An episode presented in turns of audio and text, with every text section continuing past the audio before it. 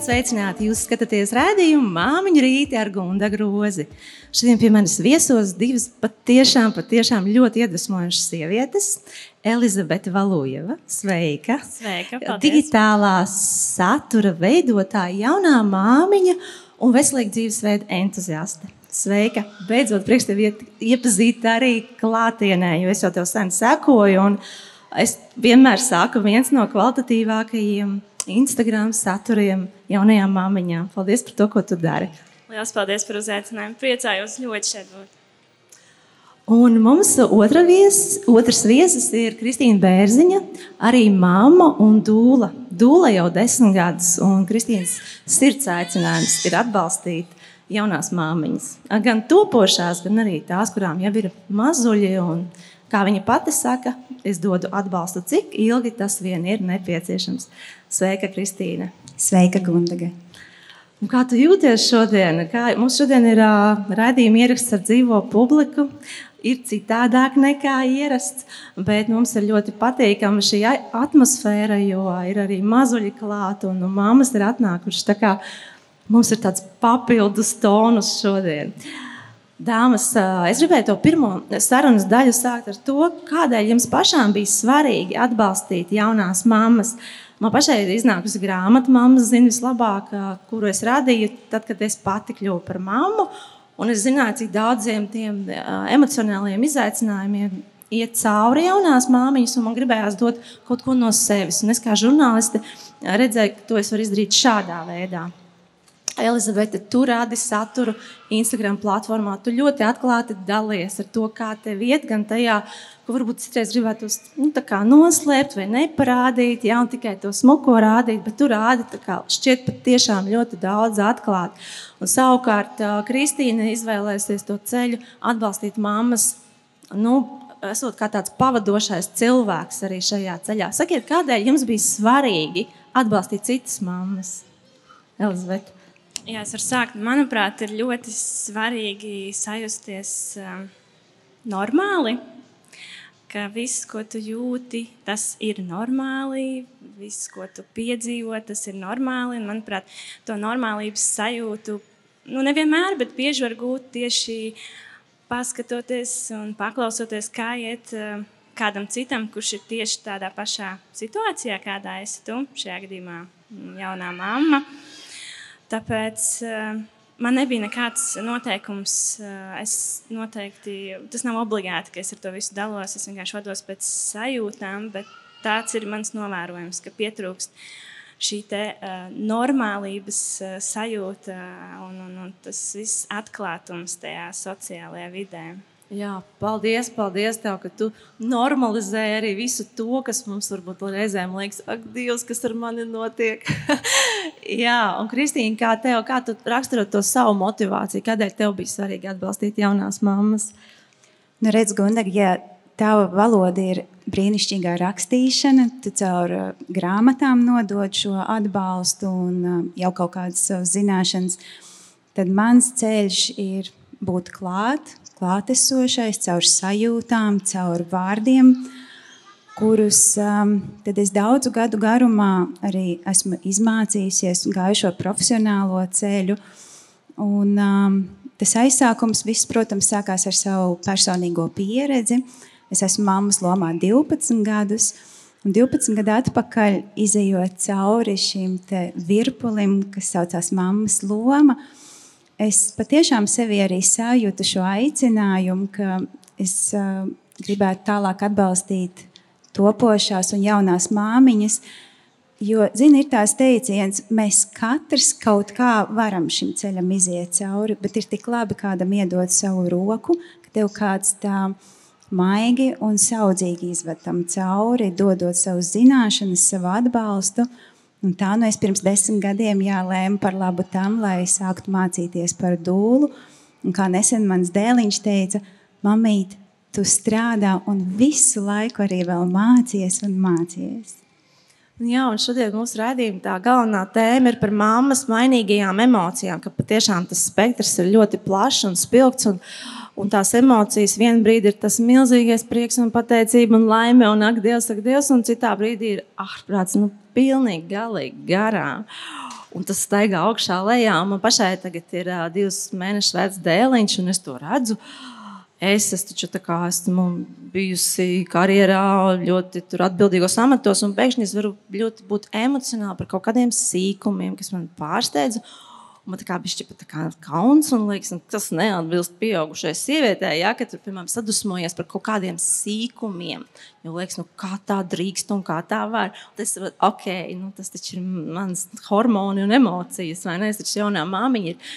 Uh, man gribas, lai jūs to pakomentējat, kā jūs to redzat. Piemēram, Elizabete, tu savā dzīvē, tu esi mamma pirmo reizi ar savu dēliņu, tagad astoņus mēnešus, un kā tev iet ar to, ka tā šūpols iet augšā lejā? Oi. Tās eh, šūpoles, eh, tā teikt, man šūpoja pamatīgi. Um, grūtniecības laikā pat nē. Uh, tur vairāk viss bija tādā vienā konstantā līknē, bet, uh, bet pēc dzemdībām tur uh, sākās pilnīgi, pilnīgi cita dzīve, pilnīgi cita Elizabete. Uh, Un tagad es saprotu, kāpēc uh, tiek teikts, ka līdz ko tu piedzimdē bērniņu uh, un aud, nu, audzini viņu, rūpējies par viņu, tas visas tavas kaut kādas nebūšanas, um, kaut kāda varbūt tā vēlniņa, tas viss iznāk ārā visādos veidos.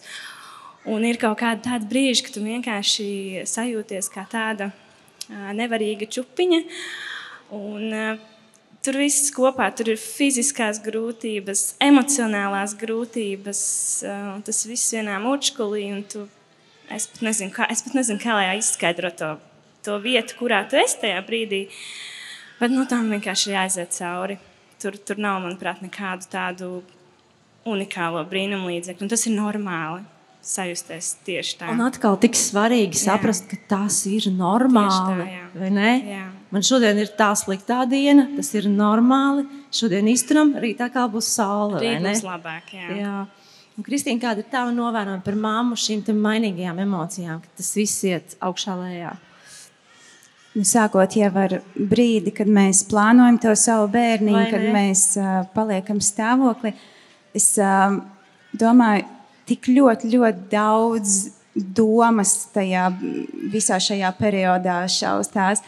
Nu, sākot jau ar to, vai mēs esam gatavi bērniņam, vai mums pietiks naudas tam, lai mums būtu bērniņš, vai mums ir pietiekami liels dzīvoklis, kā es jutīšos, kad es būšu bērniņa gaidībās, kas notiks ar mūsu par, partnerattiecībām, kā es piedzemdēšu, vai es būšu laba mamma. Un, un tas ir nemitīgi līdz piedzimst tas bērniņš. Un, um, un tad notiek tas, ka ir jātiek galā ar savām sajūtām, ar savām fiziskām sajūtām, ar savām emocionālām, kas, kas notiek ar mani.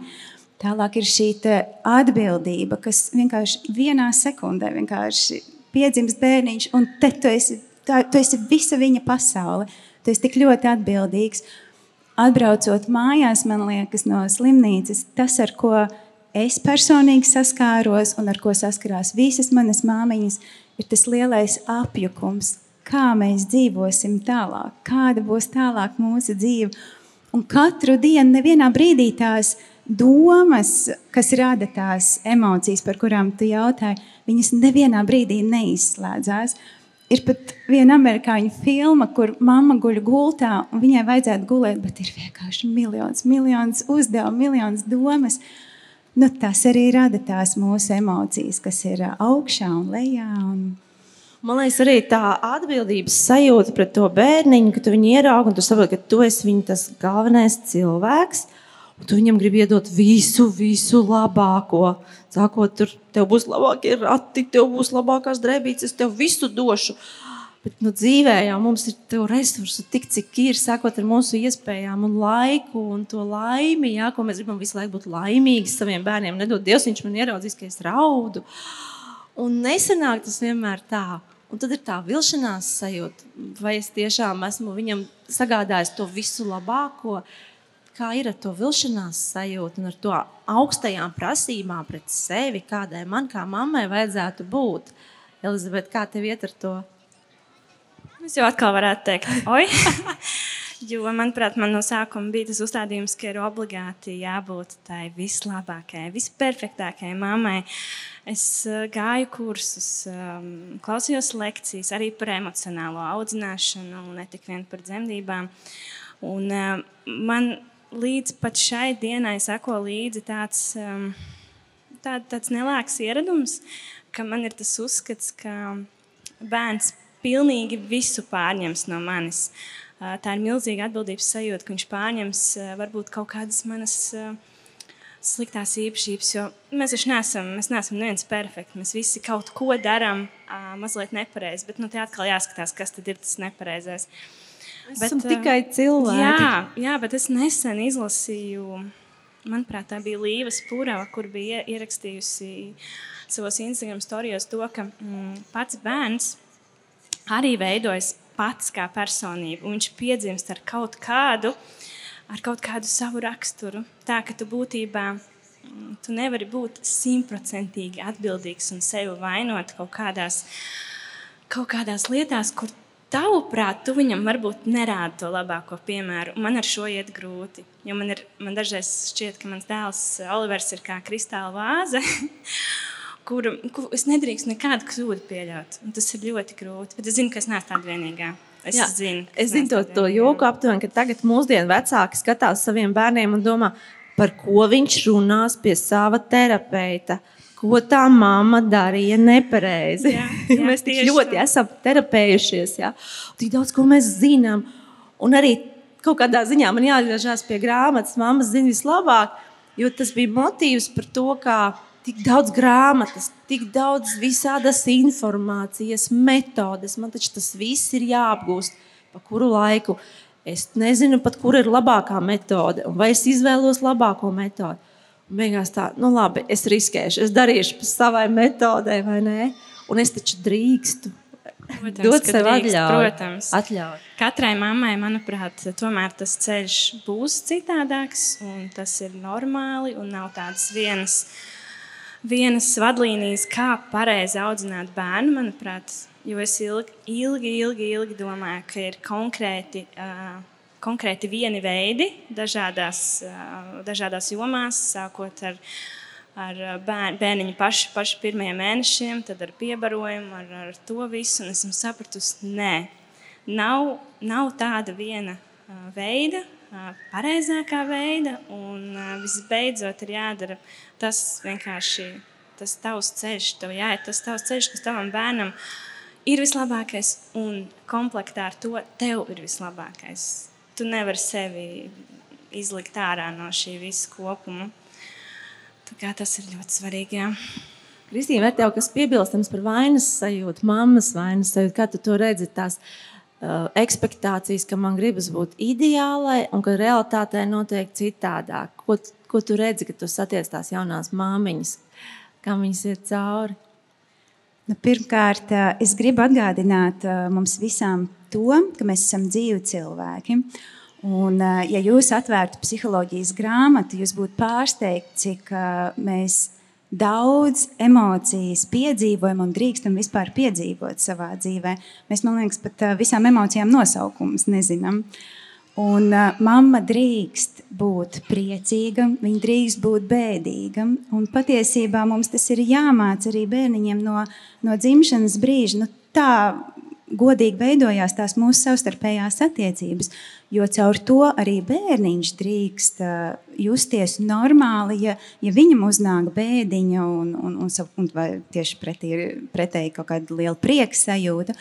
Bet par to vainas sajūtu runājot, mīļās mammas, jums nav jābūt perfektām mamām. Esiet pietiekami labas mammas saviem bērniņiem.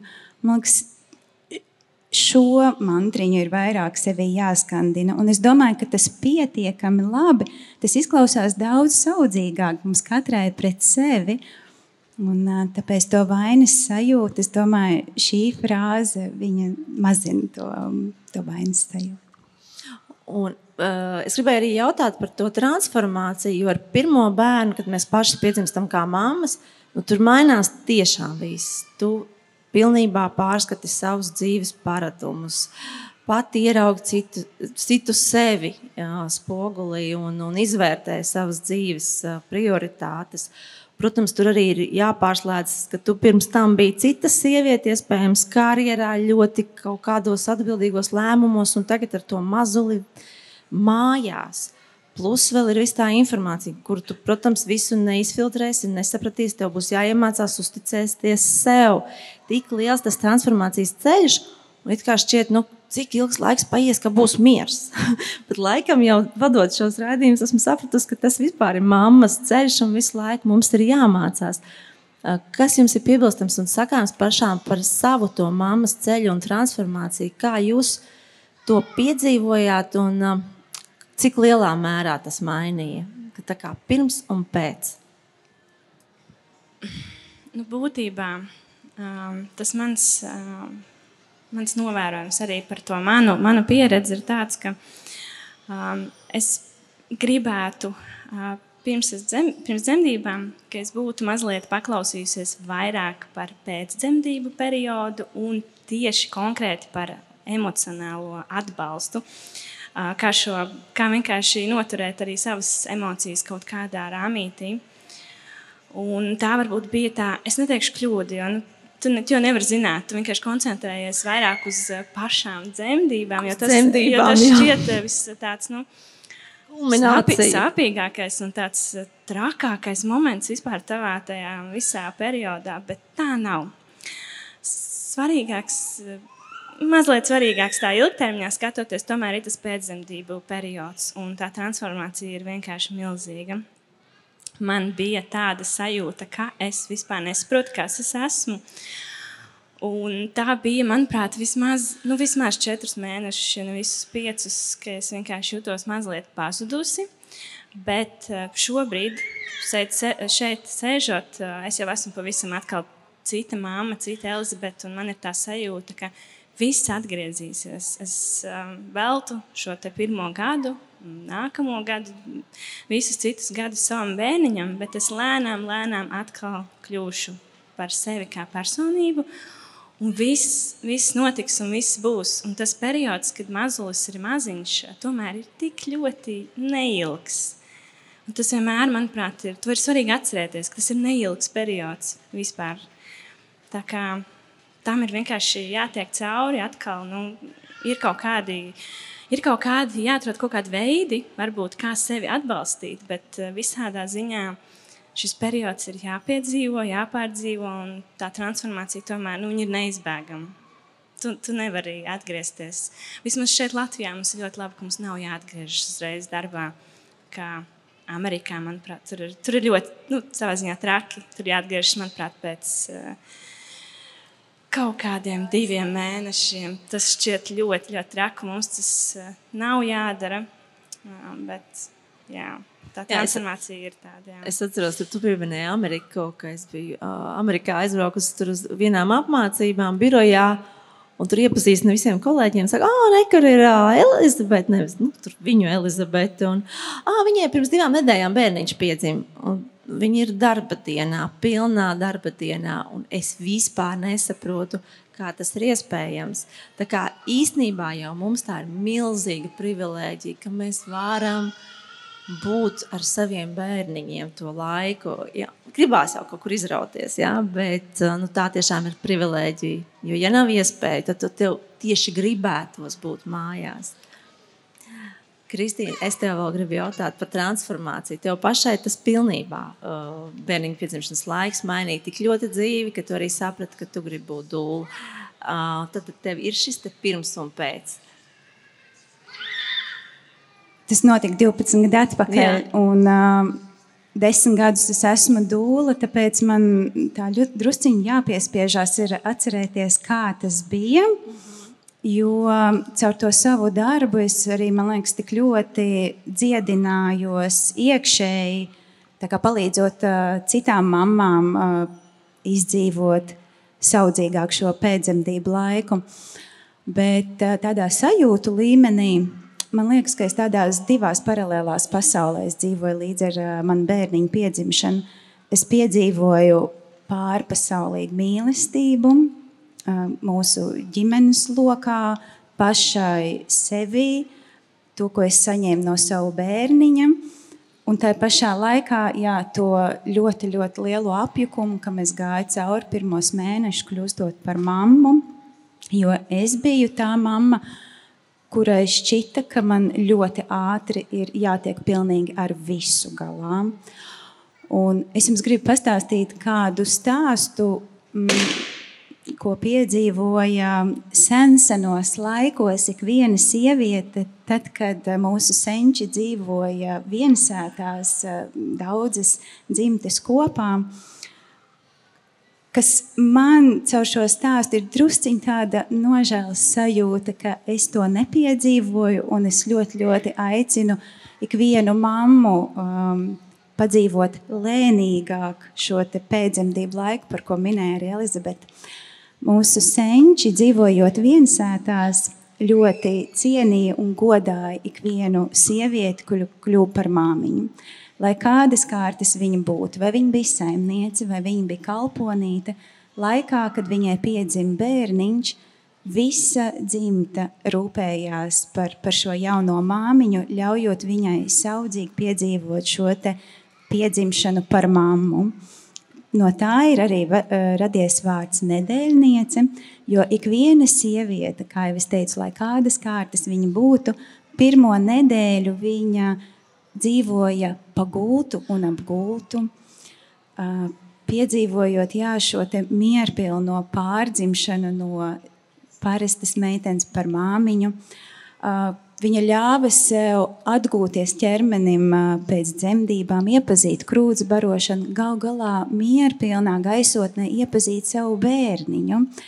Pat tajos senos laikos, to pirmo nedēļu, viņi dzīvoja uh, mamīte ar bērniņu vienā lielā gultā, gulēja kopā, lai viņi varētu visu to iemācīties. Un visi saimas ļaudis nāca pie šīs jaunās māmiņas, viņai pienesot gan ēdienu, gan dzērienu, gan eh, palīdzot turpat istabiņā apmazgāties, lai viņa mierpilni varētu kā, ieiet šajā jaunā lomā un lai viņas bēbītis arī varētu adaptēties šajā pasaulē. Manuprāt, mēs šodien diezgan ātri eh, šo apraujam un ātri, ātri pa perimetru gribam parūpēties pilnīgi par visu, nevis eh, pirmām kārtām par sevi. Lūk, līdz ar to mana misija manā darbā laikam ir galvenokārt jā, gan palīdzēt mamām sagatavotiem šīm dzemdībām, bet nu, ļoti lielā mērā viņas atbalstīt, tiešām atbalstīt šajā pēcdzemdību laikā. Jā, protams, katrai mammai ir savs ceļš. Man no savas puses gribas piebilst to, ka, ja kāda sieviete ļoti strauji atgriežas darbā un, un, un viss viņai tur uz pilniem simt procentiem notiek, tas nenozīmē, ka tev ir jādara tieši tāpat. Tev ir visas tiesības dzīvot savu mammas dzīvi. Mums nav šis ideāls, pēc kā tiekties, vai kāds veiksmīgs paraugs, ka lūk, viņai šādi, tad man arī tā vajag.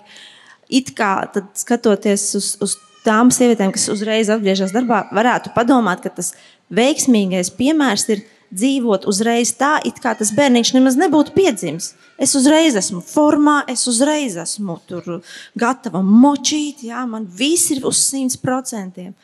Bet bērniņš ir piedzimis, tu viņu iznēsāji deviņus mēnešus. Nu, jums ir ko piebilst par to? Galu galā mums katrai ir godīgi jāpajūtās par to, kā es gribētu. Jo tas ir tas, par ko es dalījos. Es toreiz nepajūtos visi tā dara. Man arī tā kā tu saki, jāmačī līdzi.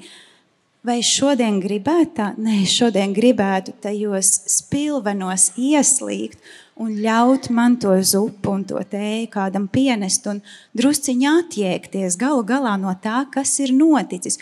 Un tad maziem solīšiem saudzīgi iet šo ceļu, kurš būs patiesībā bezgalīgi garš.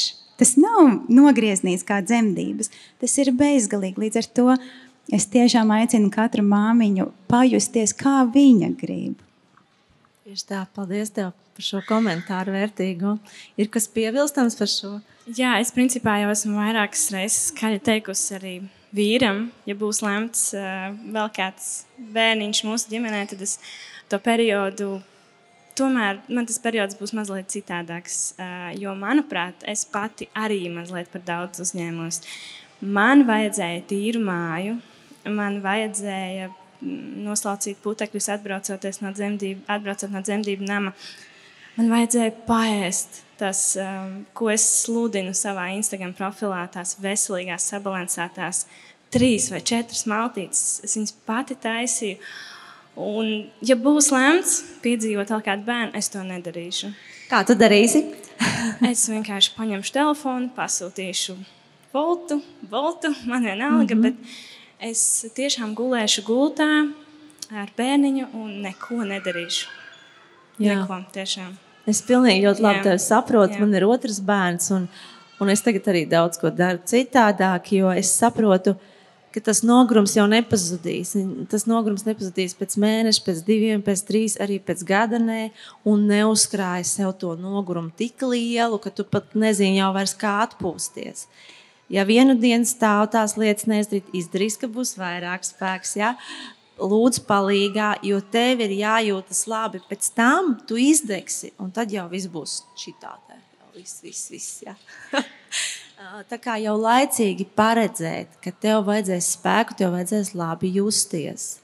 Un, protams, ka mēs negribam dzīvot bardakā. Mēs negribam kā, justies kā nosodītās. Jā, ka mums tagad ir bardaks, mums ir nu, kaut kādas savas lietas atstātas otrā plānā. Jā, es, es vienkārši sēžu. Protams, ka mammas kārto un visu dara, tāpēc ka viņas jau arī grib justies kā cilvēki. Viņām ir svarīga tā kārtība.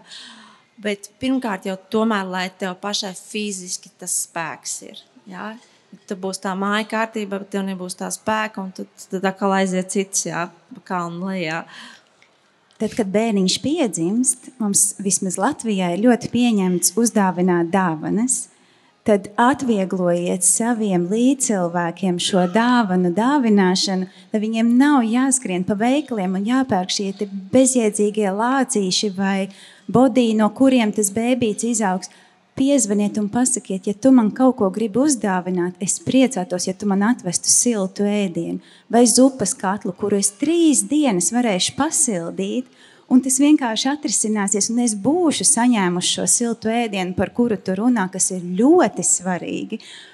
Bet, un, kas vēl ir man liekas, būtiski atcerēties, ka vīrieši ir tādi uzdevuma cilvēki. Viņam ir ļoti svarīgi saprast, kas ir mani uzdevumi. Nu, tad apsēdies mierīgi vakarā, bez pārmetumiem un pārunā ar savu partneri, kāds ir tagad mūsu dzīves modelis, kāds ir mūsu ģimenes modelis. Un kad drusciņi mums ir arī jāpamaina šie noteikumi un pienākumi, kādi līdz šim ir bijuši. Un beig beigās, ja vīrietis zinās, ka viņam reizi nedēļā vai divreiz nedēļā vajag izsūkt grīdu vai noslaucīt tos putekļus, lai cik viņš labi to darītu, pieņemiet par labu esam tā, kā viņš to dara un jau no jūsu pleciem nokritīs vismaz 30% to jūsu uzkrauto darbiņu. Bet vēl jau ir tas moments, ka jaunai mammai gribas tā pierādīt sev un citiem, ka es visu pati un man vispār nekādu problēmu, un es varēšu visu, visu nomenedžēt. Nu, varbūt nevajag. Gribas kontrolēt vienkārši pašā jā, to situāciju. Jā, Man vismaz tā jā, ir, ka jā. vīrs jau visu māca. Viņš jau īstenībā var arī uzcept kaut ko vairāk kā olu. Bet dažreiz ir tā, ka es viņam neļauju. Tāpēc jā. ir vaina arī mūsos. Nav tā, ka jā, mums arī dažreiz taisnība, nav kas jā. palīdz, bet mēs neļaujam palīdzēt. Nu, tas par mani konkrēti. Vai arī ir grūti kaut kā atzīt, ka es kaut ko netieku galā, vai ka man ir vajadzīga palīdzība. Jā, jā. Jo liekas, nu, es kaut kā pati. Nu. nu, jā, tas arī ir ceļš, kam jāaiziet cauri jaunajai māmiņai par šo palīdzības lūgšanu. Un vēl tāds būtisks jautājums, kas arī attiecās uz uh, emocijām, ir man liekas, ļoti svarīgi jaunajām mamām saprast, ka, ko darīt ar savu vientulības sajūtu. Jo pēkšņi tu esi izolēta no tās pārējās pasaules. Pirms tam tev bija draugs, tev bija chatiņi, tev bija kolēģi, tur bija tusiņš, aizgāja aizskrējas kafejnīcā, parunāties, un pēkšņi nav. Un es pat esmu piefiksējis to, ka arī nezvana, jo nu, ko tad es viņu traucēšu? Viņai taču mazs bērniņš. Un tad nu, tu sēdi un domā, hmm, nu, ieieši Instagram, ieieši Facebook, un tu tur skaties, un viņām tur visām tik forši iet, un viņi tur tusē, un viņiem viss notiek. Un tad īstenībā tu nevis kaut kā sevi dziedini to vientulības sajūtu, bet vēl vairāk jūties vientuļš. Ja? Nu, protams, nevienmēr, bet es, es tā kā ļoti tā vienkāršot ilustrēju šo tipisko mammas sajūtu. Kā, ko darīt ar to vientulību? Laikam, pirmkārt, jāatzīst, ka nu, tāda vispār lieta pastāv. Jo pirms tam Kristīna minēja par to ciemu, un to jau arī ļoti bieži Piemin, ka agrāk jau tā nebija, ka mamma viena pati dzīvoklī ar mazuli. Jā, vienmēr bija apkārt cilvēki, vectētiņš, vecmāmiņa, vēl kādi bērniņi, jā, tur kāds palīdz, atnāk kaimiņš. Un tagad ir tā, viena pati, ja visi savās lietās, savās gaitās. Man viena kliente nesen stāstīja, ka viņai bija sakrājies šis runājamais, sakrājušās emocijas. Viņa apsēdināja kādu vakaru vīru un teica, tagad tu klausies. Un viņai bija ļoti svarīgi norunāt savu dzemdību pieredzi. Viņai nebija ar ko parunāt. Nu, beidzot, viņa nonāca pie manas pirtīžās, kuras veselu stundu klausījos tikai par to vienu. Bet cik drosmīgi, kad viņa tā pateica, tagad tu klausies. Bet tas, ko tu runā, par ko tu tagad stāstīji, Gundaga, patiesībā tas saucās tādā nesmukā vārdā, bet tā ir arī emocija, ko mēs visas vairāk vai mazāk piedzīvojam. Tas, ka mums drusciņi skauž, ka mūsu vīriem dzīve nemainās. Kā viena man draudzene teica, man skauž, ka viņš no rīta uzvelk savu bosu uzvalku, sasmaržojās un aiziet uz savu darbu. Un es palieku ar diviem bērniem, un katliem un pamperiem. Bet ir, ir forši atzīt šo, un varbūt arī skaļi tā pateikt un pārunāt kaut vai ar savu partneri vien to, lai atkal mēs drusciņi pārskatītu šo mūsu modeli un padomātu, kā mēs varam to atrisināt. Kad beigu beigās kādai mammai ir svarīgi būt daudz mājās, bet kādai mammai ir svarīgi drusciņi arī izrauties ārā un satikt tās savus draugus. Un beig beigās var arī tām savām draudzenēm piezvanīt un tā arī pateikt, tu drīkst man piezvanīt, vai tu drīkst pie manis atnākt ciemos, un es nebūšu saklājusi perfektu kafijas galdiņu un uztaisījusi rosolu, bet atnāc pie manis ciemos un vienkārši papļāpājam un bez ekspektācijām to, ka māja būs perfekta un es būšu skaistiem saruļotiem matiem. Runājam, runājam godīgi par savām sajūtām. Es dzirdēju tādu mm, komunikācijas piemēru, nu, kā jau mēs zinām, pēc bērniņa piedzimšanas pārim ir dažādi sarežģīti jautājumi, ko risināt. Nevar saprasties, kā tad, kā tad runāt. Tas eh, viens iet uz darbu, otrs kā, paliek mājās. Un, uh, tad es dzirdēju to piemēru, jā, kur tas vīrs, uh, vīrs atbild savai sievai, bet es arī taču gāju uz darbu, un es arī visu dienu esmu nostrādājies. Bet, tā sieva viņam teica, nu jā, bet tev tomēr visu dienu ir tās intelektuālās sarunas par kaut ko, mm, par kaut ko. Es visu dienu sēžu, man ir kakas un, un, un čuras un, un, un viss tas eh, pārējais tomēr arī, nu mēs zinām, kā, kā, kā ir ar mazu, mazu bēbīti. Tur, man liekas, mēs visi zinām, nav jāsaka. Tā kā, jā, mums bija ļoti līdzīgi. Mums bija ļoti, ļoti līdzīgi, jo es arī man bija tie, tie daži vakari, kad es izteicu šādus uh, teikumus, nu, ka tu jau ej uz darbu, un, un, un tev tur tā, un vīrs man tieši to pašu atbildēja. Bet, nu, es, es pat nezinu, tur ir, es varētu runāt un runāt un aizpildēt tālu, tālu par šo tēmu. Bet pat tad, vajag izrauties. Man, nu, es, piemēram, atradu sevi sportojot, tā viena stunda sporta zālē, fizioterapeita vadībā. Manuprāt, es savai fizioterapeitei pierunāju pilnas ausis par visu, par, savu, par savām dzemdībām. Viņa tā kā man terapeits sanāca. Tāpēc piekrītu tev. Um, piekrītu arī tev, ka tu saki, piemēram, ka ir dažas māmas, kurām ir jābūt mājās, bet dažām tomēr vajag to kaut nelielo prombūtni, kaut 15 minūtes svaigā gaisā vienai pašai, varbūt ar sunīti padomāt kaut kādas savas domas, jo citādāk visu laiku ir galvā tas to-do list. Vai mums pietiks pamperi, vai man vajag nopirkt viņam to, varbūt, nezinu, kas viņam tur ir sākumā, kas viņam tur ar nāpiņu notiek, vai man tur jādara tas un šitas, vai man vest pie osteopāta. Simtiem domu, manuprāt, cilvēks, jebkurš cilvēks var sajūt prātā. Nu, nevis tikai nu, jaunās māmas, bet, manuprāt, jebkurš tiešām. Vajag vienkārši atslābt un padomāt kaut ko savu.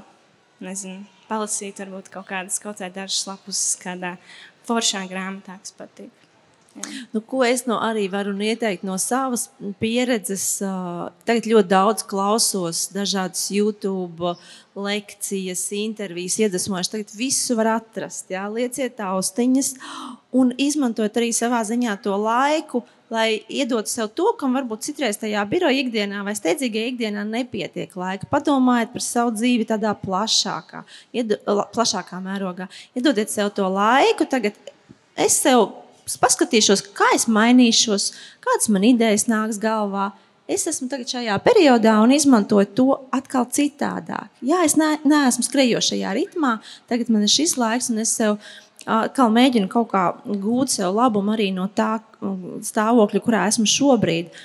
Un vienmēr kaut vai pišķīt, bet kaut ko atrast, ko es varu iedot sev, ieplānot to mazo lietiņu, vai tā ir pasma, pašmasāža vai uzlikt sev sejas masku. Tas pat nevis tāpēc, ka man tur ir celulīts un man tur ir slikta tāda, bet tīri kā tādu simbolisku darbu, ko es daru sev. Es to daru sev. Es uztaisu to smuko brokastu šķīvi, kā Elizabete. Es skatos, kā Elizabete to dara, un es uztaisu sev. Varbūt es to nefotografēju un nevienam nerādu, bet ar to es apliecinu, ka es arī sev esmu svarīga nu, kaut vai tās mazās lietiņas, atrast tajā ikdienā punktiņus tādus. Un es pildu, un tad, tad aha, es esmu kaut kādā rāmī un kaut ko es kontrolēju. Jo savādāk tad ir. Jo, protams, kad ir ļoti nervozs tas periods ar mazo bērnu, sevišķi, tad, kad viņiem mainās tie, tie uh, attīstības tie lēcieni, un kad sākās tā čīkstēšana, un tu nesaproti, kas tagad notiek. Jā, vai jāzvanāš tam, vai nav jāzvanāš tam, un to atkal jau esi pārdzīvojumā kaut kādā. Uh, tad, protams, ir ļoti viegli aizmirst vispār par sevi, kur es paliku, jā, kur man tās drēbes, jā, kā es te. Jā. Bet, nu, tomēr nu, atcerieties mazos punktiņus. Jā, tā pati banālā sievišķība, jā, par ko mums reizēm kaunina, kas tā tāda sievišķība, bet, nu, mīļās dāmas, kā es jutos, ka es pirmo reizi pie friziera aizgāju pēc zemdībām. Es tur, ah! es visu laiku tieši pie friziera, un lai man ieveidotos matus, jo nekas tā nepalīdzēja. Nu, nekas tā nepalīdzēja. Es, piemēram, varu piebilst to, ka es eh, noteikti neesmu vannu cilvēks. Man nepatīk ilgi iet vannā, bet eh, tieši tāda primitīva eh, nodarbe, kā desmit minūtes karstā ūdenī ar kaut ko, vienalga, kaut ko smaržīgu. Man deva tik daudz, ka es tiešām varēju atgriezties, nomier, tiešām burtiski nomierināt nervus un justies, justies labi. Tiešām, varbūt tā ir ilga duša, varbūt tikmēr vīrs var pieskatīt mazo. Un, lai gan arī tagad es joprojām dzirdu, ka tad, kad es gāju tajās dušās, manās Olivers, es pilnīgi dzirdēju, ka viņš žemā. Man tā kā skan galvā vēl joprojām, bet manuprāt, tas ir pilnīgi normāli. Un, un, un, jā, ir jāatrod kaut kādas, kā es saku, tiešām kaut kādas uh, primitīvas nodarbes, kas uh, 10 minūtes, 15, varbūt vairāk arī nemaz nevajag. Jā. jā. Un, un, ja mums tajā it kā saucamajā parastajā ikdienā tās ir vienkāršas lietas, ko mēs vispār nepamanām, nu, nepievēršam tam uzmanību, tad tagad tā varbūt īpaša kafija, ko es sev esmu tieši nopirkusi un es to dzeru no rītiem, ir tik svarīgi. Un tas nozīmē, ka es arī mācos rūpēties par sevi kaut kādā citādākā veidā nekā līdz šim. Būt līdzjūtīgāk pret sevi. Es atcerējos, pēkšņi Diana Zande, mūsu brīnišķīgā Diana Zande, kādreiz uh, dalījās savā pieredzē. Viņai ir daudz bērni, un uh, par kādu vakaru, ka viņa ir ar vīru saliek uz paplātītes sieru un olīves un ielēja katrā glāzē vīnu un apsēžās un saskrien tas bariņš ar bērniem. Vai kāds mums ir tagad uzkodiņas? Un viņi saka, stop! Šitas ir mammai un tētim. Jūsu uzkodiņas ir virtuvē. Tā ka nav mīļie vienmēr ar visu, visu jādalās. Nu, ir kaut kādi brīži, un ir tā kā tu saki, tava īpašā kafija un viņas īpašais siers un olīvas. Nu, drusciņi arī jāmāk šis viss nodalīt. Bet Elizabetes eh, stāstītais par vannu man ļoti norazinēja arī par kādu manu darba sadaļu, kas saucās Pirtīžas, cik ļoti bieži atbraucot uz pirtīžām ģimenē, kad es jautāju, ko jūs sagaidat no šīs dienas, kādēļ jūs izvēlējāties par labu pirtīžu rituālam, 90% gadījumos vienmēr mammas saka, nu es ļoti gribēju savam bērniņam šo latvisko rituālu, tā lai viņam izdzen sāriņus, lai viņam ir īpašā šī ziedu vanniņa, Un um, pēc četrām stundām, kad rituāls ir beidzies, un pie manis viņš notiek divās daļās, pirmā ir veltīta bērnītim, un otra liela, liela rituāla daļa ir veltīta mammai. Viņas visas ir mazliet uz pauzes, un viņas vienmēr saka frāzi: Es negaidīju, ka šajā rituālā tik ļoti liela daļa būs veltīta man. Un arī tad, kad viņas nāk uz lekcijām par šo rituālu, viņas ar galvenokārt par to bērniņu domām. Bet um, jā, jāatlicina laiciņš, apzināti jāatlicina laiciņš arī sev. Tas vispār tiešām ir tāds ļoti, ļoti labs atgādinājums. Un, tā kā mums arī tajā tēmā ir prieks, bailes, neziņa, arī no iesūtītajiem jautājumiem, ko es pirms tam uzdevu savā Instagram profilā, ir tāda, tāda dominance uz tiem jautājumiem par neziņu, kā jūs risināt šo stāvokli, ka mēs gan vispār dzīvojam tādā neziņas laikmetā, un ceļš mamām skatoties uz saviem mazulīšiem un klausoties ziņas, un, un es pati biju stāvoklī, kad sākās karš Ukrainā, un, un nu, ir vispār nu, tāda nu, ārprāts, nu, ko ar to visu darīt, kā to sagrupēt savā galvā. Kā jūs to risināt? Nu, tīri privāti. Nav jau tā nevienas pareizās receptes, jo nu, mēs katrs ejam tam cauri, bet kā jūs pašas tiekat galā? Um, jā, tieši tu pieminējies par uh, notikumiem Ukrajinā. Uh, man ir tīra dzīves pieredze. Tajā februārī Oliveram bija uh, mēnesis, un uh, mēs, uh, mēs saslimām ar covid visi. Un, uh, plus vēl notika visi briesmīgie um, Krievijas nodarījumi, un tas viss kaut kā spēlēja. Nu, Tādas emocijas tajā brīdī, ka šķita, ka nu, sliktāk jau nevar būt. Es atceros, ka man bija ārprātīgas bailes par to, ka mazais varētu saslimt ar covid. Protams, ka viņš saslim, jo nu, tas bija neizbēgami. Bet nu, tās bija tādas bailes, kādas es, manuprāt, vispār nebiju jutusi. Jo vīrs saslimot ar covid, nu, viņam bija diezgan traki. Līdz ar to redzot to piemēru, šausmīgi. Es jutos vienkārši briesmīgi, bet man palīdzēja tas, ka es mazliet mainīju to fokusu. Es, uh, ļoti, ļoti, ļoti fokus, centos ļoti, ļoti fokusēties uz viņu. Tas gan notika pēc laika, jo no sākuma man galvā bija karš Ukrainā un kā izbēgt no mājās esošā slimā vīra. Pēc tam saslimu es, pēc tam saslimu Olivers, bet um, nu, tur vienkārši ir jāmaina fokus. Jāfokusēs uz kaut kādu vienu, vienu lietu, kas manā gadījumā bija tikai mazais, jau tad, kad mēs bijām izslimojuši. Un, uh, es vienā brīdī sapratu, ka, ja es veltu tik ļoti, ļoti, ļoti daudz emociju kaut kādām citām lietām, tad uh, attiecīgi citas lietas sāk ciest. Un, uh, es arī īstenībā redzēju, ka Olivers paliek mazliet tāds mm, gražīgāks un uh, saprotot momentā to, es uzreiz vienkārši sapratu, ka nē, man ir jābūt, man ir jābūt tādai stiprai viņam priekšā. Uh, Protams, ka viņš var redzēt, ka mamma raud. Manuprāt, tas ir normāli ik pa reizē, bet eh, tā, ka tu visu dienu, katru dienu tomēr eh, staigā ar tādu mm, seju, nu, mazais taču jūt, nu, viņš kredz, un viņi ir ļoti gudri. Tāpēc es ieteiktu vienkārši to fokusu kaut kā nofokusēt uz to labo un uh, saprast to, ka viņš ir tik, tik, tik maziņš, ka viņam vajag kādu, kas ir liels un stiprs. Uh, Un, eh, lai viņš tā kā jūt, ka viņu, eh, ka viņu aizsargā. Kaut kā tā. Man gan nav, man gan nav ļoti kaut kādas pareizās atbildes, jo es tajā brīdī tiešām eh, jūtos, nu, man emocijas gāja pāri tā kā katliņam uz visām pusēm un par visu tajā brīdī. Gan par to slimošanu, gan par karu Ukrainā. Es būtībā tur rīktīgi, man liekas, uz visām pusēm gāja un nevarēja nokontrolēt un savākt tās emocijas. Bet tomēr ar laiku tas izdevās. Un, un, un, Jā, bet man nav nekādu baigo ieteikumu, kā to darīt. nu, mums jau visiem nu, nav tās zelta receptes. Mēs katrs meklējam to savu formulu. Kristīna, kā tu sevi mobilizē šajā neziņas laikā. Jā, redz, kā viens uh, notikums nebeidzās un, un nāca otrs, vai ne? Mēs nepaspējām uzelpot.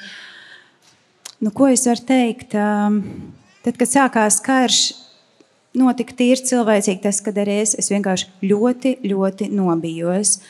Bet tad es sapratu, ka um, ir ļoti jāparūpējās par sevi. Līdz ar to um, man ir brīnišķīgs vīrs, kuram ir ļoti racionāla domāšana. Līdz ar to mums mājās uh, tik, cik man vajadzēja, mums bija šīs sarunas, lai viņš man izskaidrotu visu šo situāciju, notiekošo. Bet es teikšu, godīgi, es nepavilkos. Ne, ne visā tajā, kas notika sociālos tīklos, es netērēju laiku lasīšanai, komentāriem, visā tajā. Jo, nu, ko, ko ar to es varu palīdzēt? Es, mēs tiešām, mēs kā ģimene darījām reālas, palīdzošas lietas. Visu pārējo es nevaru ietekmēt. Un man jāsaka, debesīm lielu, lielu paldies, ka man kā dūlē ir visu laiku, gan pandēmijas laikā, gan šobrīd. Man visu laiku bija daudz darbiņu. Līdz ar to man sanāca tas pats ceļš kā Elizabetei. Man fokus bija uz to manu darbu. Un jau sākot no pandēmijas, es savam vīram teicu, ir viena grupa cilvēku, kuriem pandēmijas un covid nav. Tas ir sievietes, kas gaida bērnīšus un kurām ir piedzimuši bērniņi. Nu, vismaz tās kuras es satiku, viņu fokus arī vairāk vai mazāk bija uz saviem bērniņiem. Un tā kā man bija jārūpējās par viņām, man bija jāstrādā ar viņām, tas, protams, atkal uzpildīja mani, manas sajūtas, nu, tas, ka es kādam esmu noderīga un vienkārši daudz strādāju. Un mājās es rūpējos par saviem, par saviem tuvajiem, par savu dēliņu, par vīru, nu, lai mēs viens otru varētu jā, uzturēt un mentāli vienkārši atbalstīt un dot to drošības sajūtu, nu, dot to, ko es patiešām varu šeit tagad iedot. Jā, man arī līdzīga pieredze savā ziņā, kā Elizabete, ar to, ka tad, kad sākās karš Ukrajinā, es biju stāvoklī, un man arī bija covid, bet es biju stāvoklī. Un, un tad es atceros to datumu, kad, kad notiek tas iebrukums, un es domāju, nu, viss ir vienkārši tā kā melns Tas ir melns, melns, un tu to ej arī tajā melnajā mētelī, nodot tās analīzes. Un, un, un tādā tā bedrē, bet uh, pēc tam es sapratu, mans uzdevums ir darīt to, ko es varu izdarīt. Un ma, es nepalīdzēšu sev, mazajam, nekam, ja es būšu nu, tajā ļoti negatīvajā sajūtā iekšā. Un tīri tu sāc izglābties, ja, tā kā slīkstošais, ja tu sāc meklēt to izējas ceļu. Un es saprotu, man ir jārūpējas par sevi. Nu, tiešām, nu, tā kā šoreiz nu, es nevaru. Jā, sorry, man, man ir jādomā kaut kas labs, jā, kaut, kaut kā labi jākoncentrējās. Un tas jau arī mums mamām ir tas svarīgais. Meklēt dzīvē labo visur, visur, visur, visur, visur jo mums ir tik daudz uh, spēka jādod. Tāpēc arī mācīties un trenēties, ieraudzīt to labo. Jo tas, to slikto ļoti viegli var viskaut kur, vai ne? Ja vēl kaut kas uzkrīt uz nerviem un bērns neguļ, tad tas viss liekas, viss ir slikti, attiecības slikts, viss ir slikti, viss ir pret mani. Bet ir jāmeklē tas labais, nu, pilnīgi tā kā jātrenējas. Un man gribās arī nobeigt šo sarunu ar tādu pozitīvu noti un jautāt jums, kuros brīžos jūs nu, piefiksējat to, kad ir tas prieks un laime, nu tā, kas sprāgst pacīm ārā, un liekas, nu tik laimīgi es nekad neesmu bijis, un to var piedzīvot tikai mammas sirds. Kādi ir tie brīži jums? Tā, jāpadomā, pēdējo, pēdējā laikā šie brīži ir ļoti daudz. Um, sākumā Sākumā bija kā bija. Man arī tā mammas sajūta nenāca uzreiz, bet šobrīd ir tā, ka es apsēžos Oliveram blakus uz viņa paklājiņa. Un viņš vienkārši, tas, ka viņš man apsēžās pretī, tā kā tāds mazs puisītis, kaut ko man stāsta, kaut ko tur runā, kaut kāds klucīšs, abas divas, tā kā viena par to, man tas liekas vienkārši kas te notiek. Tu tikko biji mazs, tāds nekustīgs, nu, tiešām nekustīgs bebītis, un tagad tu vienkārši sēdi un savā veidā komunicē ar mani. Un tas viss notika tik ātri, arī tā visa rāpošana. Un tas viss, es noteikti varu teikt, ka tā attīstība ir tas, kas vienkārši, ka es redzu, ka kaut kas jauns ir noticis. Es vienkārši nezinu, kur likties. Es pēdējā laikā es pat vairs neķeru telefonu. Es vienkārši skatos uz viņu ar lielām acīm. Un, un, un šķiet, kā, nu, kā es tev varēju uztaisīt, nu, kā vispār. Tas ir, kā, tas ir rīktīgi tāds, tāds, tāds, tāds, tāds laimes piepildījums no papēžiem līdz galvai. Tiešām tā ir. Tas vienīgais, kas man tāds Paldies, tiešām dalījās. Kristīna, kādas tev ir mammas laimes sajūtas un tie īpašie brīži? Es esmu ļoti, ļoti liktenim pateicīga par to, ka uh, viņš mums uzdāvināja tieši tādu dēliņu, kāds mums ir piedzimis. Tu zini, Gundeg, man, es, es nevaru izdalīt nevienu tādu vienu vai vairākus gadījumus. Es 12 gadus vienkārši jūtos ļoti, ļoti laimīga un ļoti pateicīga. Mums ir piedzimis dēls ar ļoti lielu un mīlošu sirdi. Un, uh, es skatos uz savu vīru un, un esmu ļoti laimīga, jo es nekad nevarēju iedomāties, ka mīlestība var būt tik liela. Es skatos uz savu dēliņu. Un katru dienu es uh, dzirdu šos mīlestības vārdus. Un, jā, ir brīžiem ļoti, ļoti grūti, bet kopumā man, man gribas teikt, ka es kā mamma peldos tādā lielā mīlestībā. Cik jauki! Es arī mazliet raudu fonā, kā tieši kā tāds kulminācijas brīdis noslēgumam, mūsu raidījumam. Dāmas, liels paldies par dalīšanos, par atbalstu, par iedvesmu. Tas ir ļoti, ļoti vērtīgi.